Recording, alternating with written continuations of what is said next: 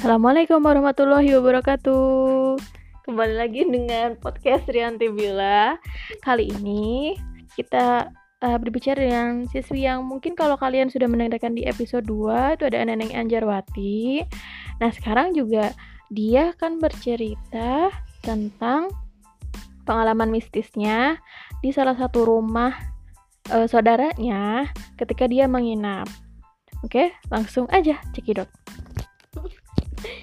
jadi waktu itu posisinya lagi video callan sama teman. Terus dia sengaja kerekam. Tadinya mah dikira cuman bantal guling tapi pas dilihat emang bener. Sosoknya tuh anak kecil pendek. Ya mungkin mau ikutan.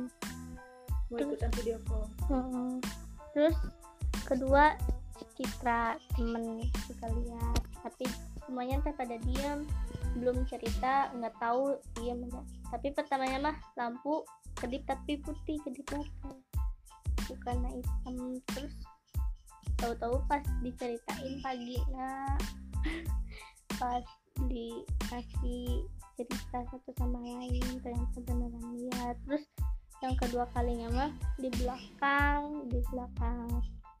Neneng lagi berdiri tapi di, pan, di pintu Citra yang lihat kerekam juga di HP tapi nggak direkam cuman lihat dari layar HP doang. Ada sosoknya anak kecil. Ya mungkin. Tuyul kali. Bukan. Tingginya berapa? Pokoknya pendek terus kurus.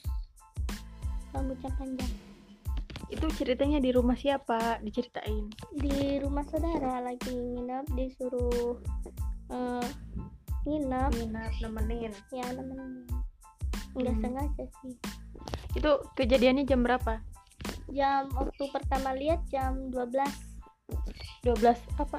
12 malam. Terus waktu yang kedua kalinya jam masih sore masih jam 10 itu sebelum sesudah lampu berkedip putih terus sesudah lampu sosok itu muncul lampu lagi baru pintu ketutup sendiri. Tidurnya di kamar yang mana?